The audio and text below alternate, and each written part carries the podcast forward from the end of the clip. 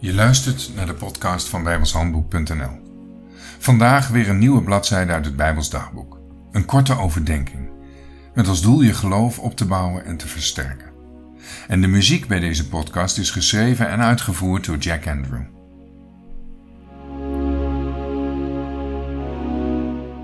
Het is vandaag 22 februari en ik wil beginnen met het lezen van 1 Korinthe 2 vers 12.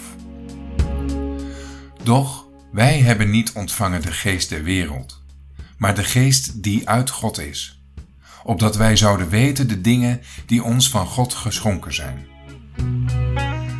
Wat betekent wedergeboorte eigenlijk voor jou persoonlijk? Door wedergeboorte heb je eeuwig leven ontvangen. Ben je een kind van God geworden. Je bent verlost van je oude natuur en hebt een nieuwe natuur ontvangen, geboren uit de geest van God. Je oude mens fungeert als moeder voor het nieuwe leven. Wedergeboorte is voor ons het begin van een proces. Nadat het zaad in ons geplant is, is het de bedoeling dat het gaat groeien. Voeding is daarvoor noodzakelijk. In de natuur zien we hetzelfde principe. Na het zaaien is er regen nodig om het te laten kiemen, om vervolgens een plant te worden en vrucht te dragen. In de Bijbel wordt het woord van God vergeleken met water, ook wel levend water genoemd. Het is Gods wil dat het zaad dat Hij in ons geplant heeft ook gaat groeien en uiteindelijk vrucht zal dragen. Daarvoor is kennis van Gods woord nodig. Opdat wij zouden weten de dingen die ons van God geschonken zijn, staat in 1 Korinthe 2 vers 12.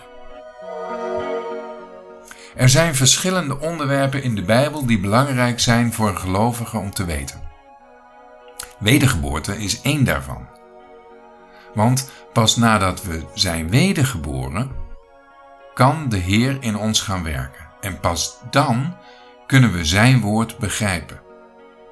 Het is een belofte van God dat Hij Zijn geest zou geven en die zal ons leiden in alle waarheid.